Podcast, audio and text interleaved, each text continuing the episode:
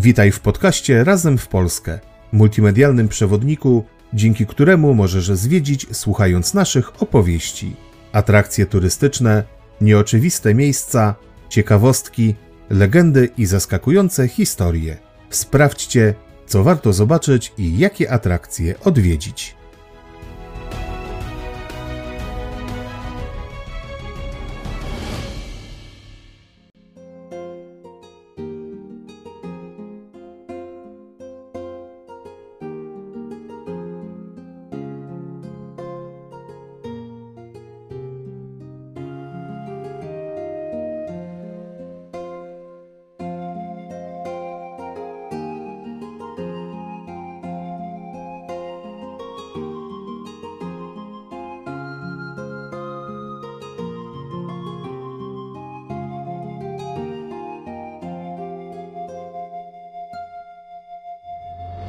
Jak wyglądało grodzisko starsze niż państwo polskie? Co stało się z dziesięciowiecznym opactwem benedyktynów? Czemu diabeł pomagał w budowie romańskiej kolegiaty? Jak spisek książąt przyczynił się do rozwoju parlamentaryzmu? Jaki cenny skarb odnaleziono w dawnym grodzie Polan? I co miała z nim wspólnego wdowa po Bolesławie Krzywoustym?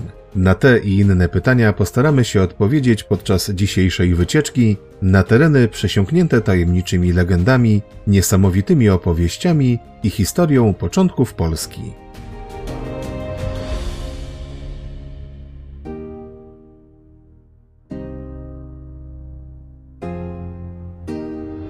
Um, kraina czarta i romańskiej kolegiaty.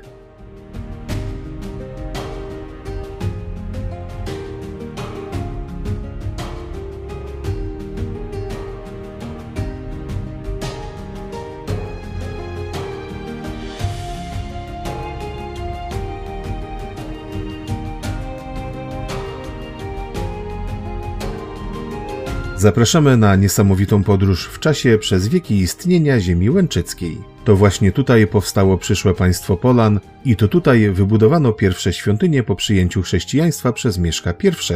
Już zbliżając się polnymi drogami pośród sielskich krajobrazów okolicznych pól i torfowisk, poczujesz niezwykłą atmosferę pełną legend, skarbów i fascynujących opowieści. Niewielki tum położony w dolinie rzeki Bzury w województwie łódzkim to prawdziwy turystyczny skarb, który przyciąga swoją historią sięgającą VIII wieku. Magia, czary i diabły są obecne na ziemi łęczyckiej od wieków. W naszej opowieści również nie zapomnimy o nich wspomnieć. Zapraszamy do odkrywania tego, co można zobaczyć i jakie atrakcje czekają w Tumie.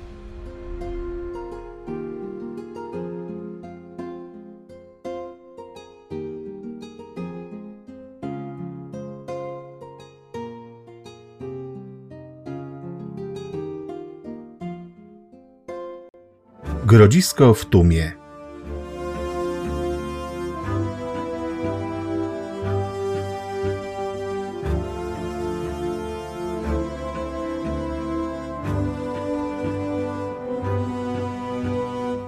W sercu Polski kryje się niezwykle cenne miejsce, którego historia sięga początku osadnictwa Słowian na tych terenach. Grodzisko w Tumie zaliczane jest do historycznie kluczowych obiektów z początku państwa polskiego. Było ogrodem książęcym i kasztelańskim, a nawet pełniło funkcję stolicy. Dziś dzięki inwestycji Muzeum Archeologiczno-Etnograficznego w Łodzi mamy okazję odwiedzić jego rekonstrukcję w kształcie z około XIII wieku.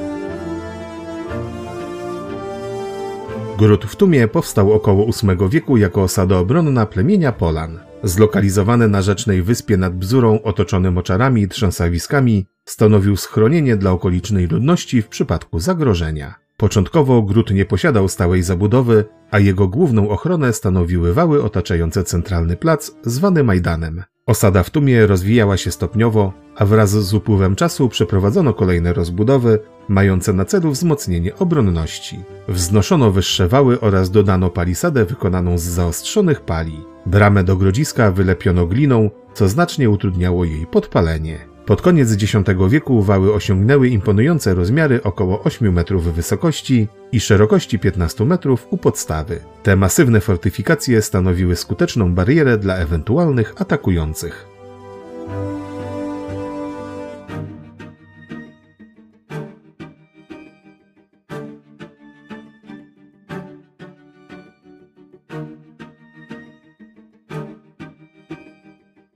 Obwarowania nie powstrzymały odważnych piastów, którzy pod koniec X wieku budowali państwo polskie. Nowi mieszkańcy rozpoczęli gruntowną przebudowę umocnień, wznosząc nowe, tym razem z kamiennymi elementami. W obrębie grodu powstały również stałe zabudowania wzdłuż wałów. Znaleziska archeologiczne potwierdzają obecność drużyny wojowników, prawdopodobnie waregów o korzeniach skandynawskich, którzy stacjonowali w Grodzisku już w tamtym czasie. W XI i XII wieku gród pełnił funkcję centralnego ośrodka ziemi łęczyckiej, zarówno w aspekcie administracyjnym, jak i obronnym. Był także centrum ówczesnej Łęczycy, która nie posiadała jednolitej, zwartej zabudowy, lecz była rozproszona po obu stronach Doliny Bzury. W pobliżu grodu znajdowało się również opactwo benedyktynów, założone w drugiej połowie XI wieku w miejscu dzisiejszej kolegiaty, ale o niej opowiemy Wam za chwilę.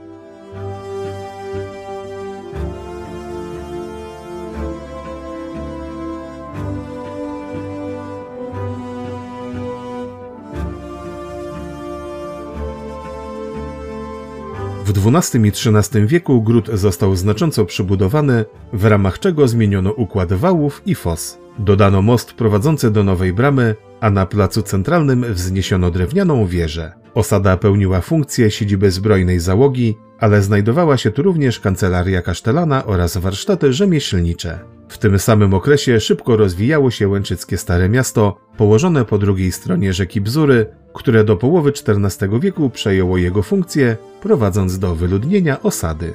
Od tamtego czasu Grodzisko przyciągało tylko sporadycznych odwiedzających oraz lokalne rycerstwo. Funkcję obronną spełniło jeszcze raz w 1939 roku w trakcie bitwy nad Bzurą, kiedy to oddziały niemieckie przystosowały je na punkt obrony podczas kontrataku polskiej armii.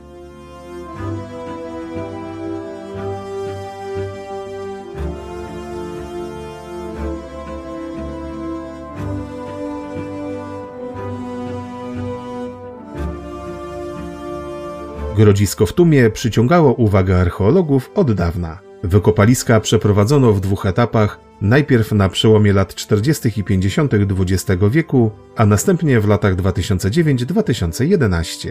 Badania te zaowocowały wydobyciem licznych cennych zabytków, z których najbardziej niezwykłym jest pierścień księżnej Salomei. Teraz dzięki współfinansowaniu samorządu i wsparciu funduszy europejskich Muzeum odtworzyło bramę oraz inne elementy, takie jak most i konstrukcje wałów. Od kwietnia 2022 roku Grodzisko w Tumie jest już dostępne dla zwiedzających.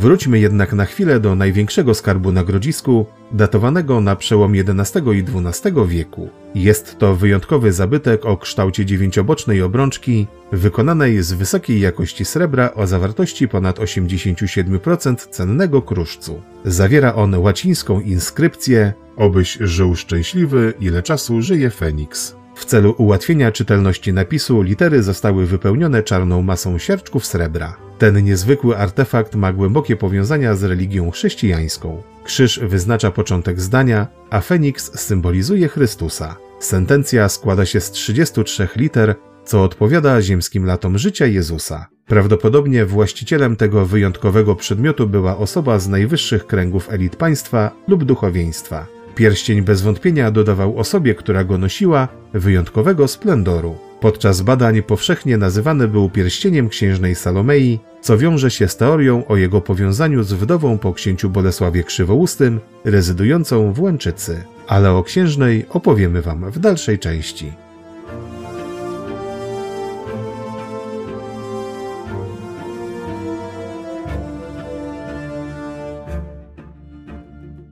archikolegiata Najświętszej Marii Panny Królowej i świętego Aleksego.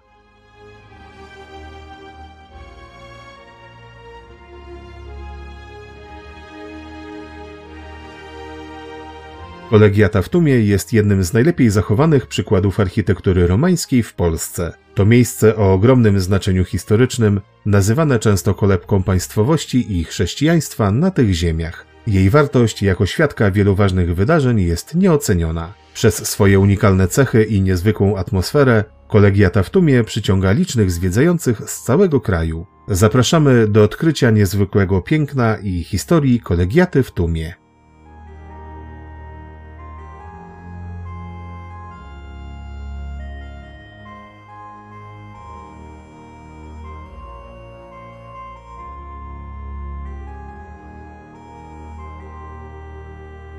Zanim wzniesiono kolegiatę w Tumie, już w 997 roku z inicjatywy Bolesława Chrobrego wzniesiono tu pierwsze w Polsce opactwo benedyktynów. Jako klasztor łęczycki wspominany jest on w dokumentach Ottona III z 1001 roku. Jego pierwszym opatem był Astryk Anastazy, uczeń świętego Wojciecha, który ponoć za życia utrzymywał duchową więź z mistrzem i rodzimym zgromadzeniem. Klasztor przetrwał do połowy XII wieku, kiedy to został przeniesiony do Mogilna, a budowa w Tumie została rozebrana. Podczas prac konserwatorskich w kolegiacie odkryto fundamenty tego historycznego miejsca.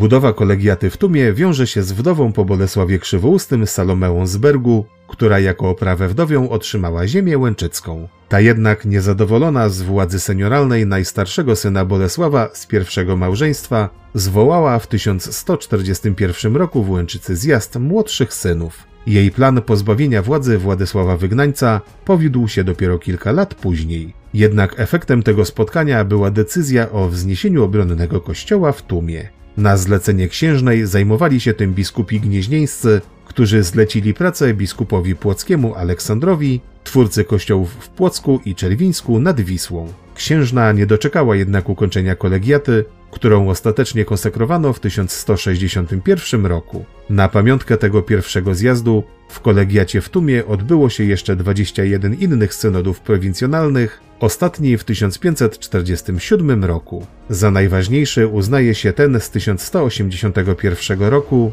kiedy to Kazimierz Sprawiedliwy wraz z duchowieństwem i rycerzami spisał pierwsze prawa. 700 lat później zjazd ten upamiętnił Jan Matejko na obrazie Sejm Łęczycki.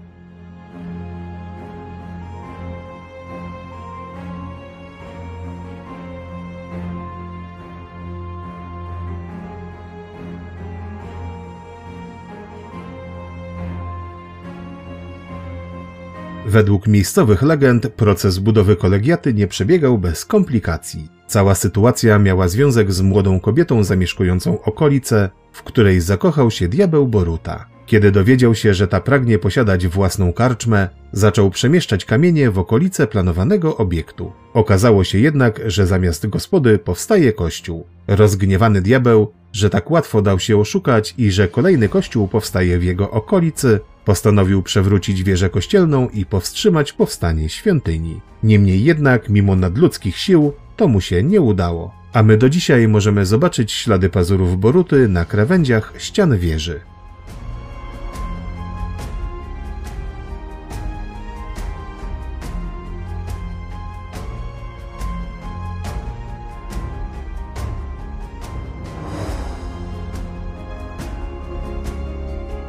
Zbudowana z granitu, piaskowca i kamienia polnego romańska budowla, oprócz swojej oczywistej funkcji religijnej, miała także służyć okolicznym mieszkańcom jako schronienie. Świadczy o tym nadanie jej w trakcie budowy cech obronnych. Oparła się Borucie, nie dali rady zdobyć jej także Tatarzy plądrujący ziemię Piastów w 1241 roku. Dopiero Litwini w zielone świątki 1293 roku częściowo spalili kolegiatę, uprowadzając przy okazji sporą część mieszkańców. Dzieła zniszczenia dopełnili krzyżacy w początkach XIV stulecia. Kolegiata spłonęła jeszcze w drugiej połowie XV wieku. Kolejne przebudowy zacierały powoli romański charakter kościoła na rzecz gotyku. Kolejnych zniszczeń dokonali Szwedzi w 1705 roku, po czym świątynia przeszła generalny remont wprowadzający do niej styl klasycystyczny. Przebudową świątyni zajął się wybitny architekt warszawski Efraim Schreger.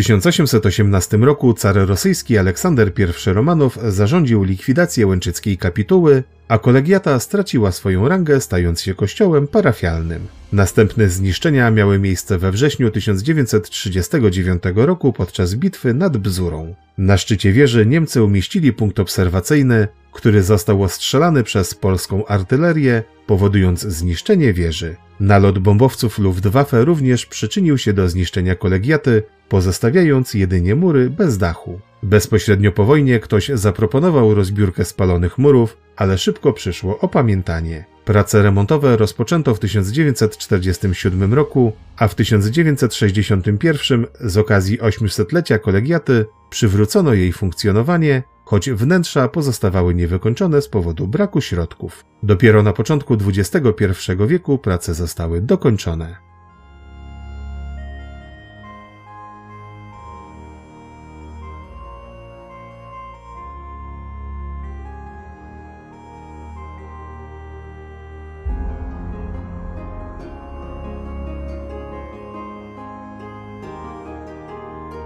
Ruinawowa bazylika z zewnątrz o surowym wyglądzie jest prawdziwą budowlą obronną. Niestety wielokrotne zniszczenia i remonty w przeszłości doprowadziły do zniszczenia lub kradzieży znacznej części zabytków. Mimo to nadal można tu znaleźć kilka prawdziwych skarbów. Jednym z nich jest romański portal widoczny tuż przy wejściu. Na tym panonie znajduje się scena Maryi z Jezusem spoczywającym na jej kolanach w otoczeniu aniołów. Ta scena, uważana za jedną z pierwszych na świecie piet, jest prawdziwym arcydziełem. Portal jest również dekorowany wymyślnymi wzorami. W najstarszej części kościoła znajduje się romański fresk przedstawiający Chrystusa Pankratora w towarzystwie Maryi i Jana Chrzciciela. Ten wyjątkowy obraz powstał najprawdopodobniej jeszcze przed konsekracją świątyni w XII wieku i został ponownie odkryty w 1952 roku podczas prac konserwatorskich. Dzisiaj jest on uważany za najstarsze zachowane w tak dobrym stanie malarskie dzieło romańskie w Polsce.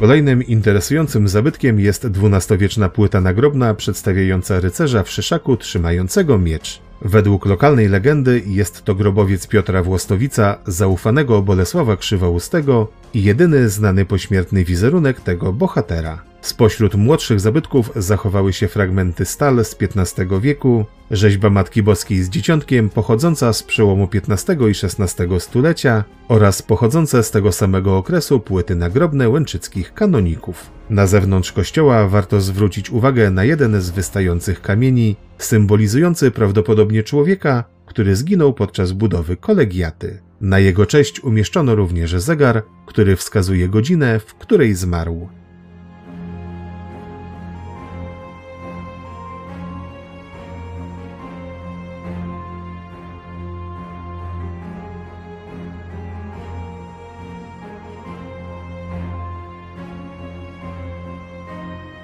Kolegiata w Tumie to wreszcie kolegiata w Opornej z uroczyska Zbigniewa Nienackiego. To tam pan samochodzik wraz z ekipą młodych archeologów wyjaśnił tajemnicę sięgającą swymi korzeniami czasów XIV stulecia, wojen polsko-krzyżackich i cennej zaginionej stauroteki. A ta istniała naprawdę i był to jeden z niewielu artefaktów, które zachowały się z pierwotnego wyposażenia kolegiaty. W 1939 roku została skradziona przez Niemców i od tego czasu ślad po niej zaginął.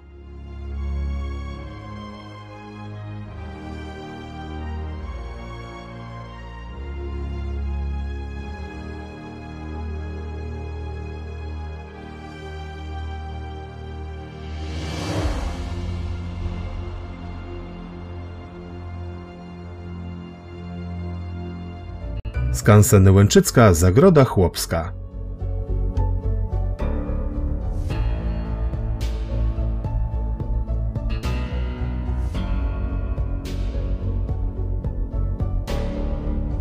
Wprawdzie Tum to perła romańskiego szlaku i miejsce, gdzie można znaleźć wiele starszych zabytków, ale podczas pobytu w tej okolicy warto zahaczyć o skansen Łęczycka Zagroda Chłopska w Kwiatkówku. Ten malowniczy obiekt położony wśród pól i torfowisk przeniesie Was w czasy przełomu XIX i XX wieku, kiedy życie pomimo swej trudności było prostsze.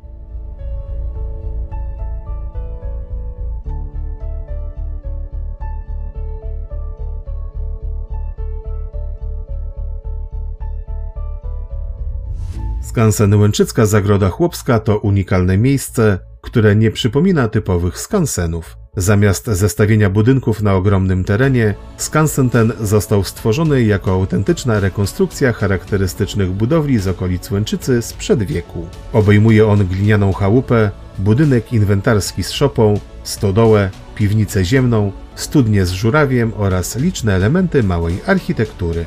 Dodatkowo Skansen prezentuje także przemysł i rzemiosło wiejskie, takie jak wiatrak typu kozłowego, olejarnia, kuźnia, piec garncarski i chlebowy. Wszystko to ubrane w piękną szatę roślinną Pradoliny warszawsko-berlińskiej oraz zioła i kwiaty przyniosło niesamowity efekt.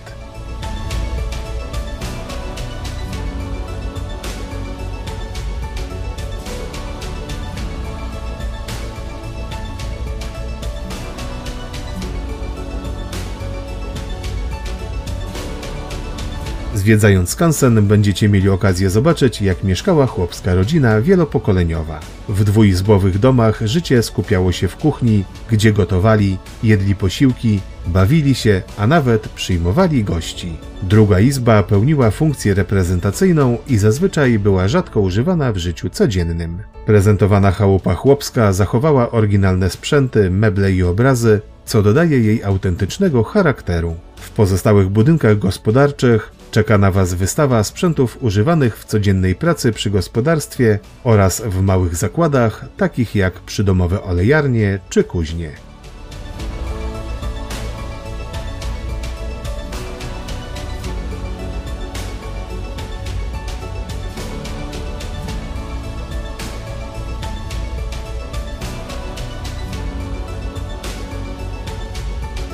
Wiatrak typu koźlak z 1820 roku, znajdujący się w Kwiatkówku, stanowi niezapomnianą atrakcję dla turystów. Jego oryginalne wyposażenie, używane do 1957 roku, nadal można podziwiać we wnętrzu. Wiatrak jest w pełni sprawny i regularnie odbywają się pokazy jego pracy w skansenie. Zagroda Łęczycka pełni również rolę żywego muzeum, często organizując różnego rodzaju warsztaty i pokazy.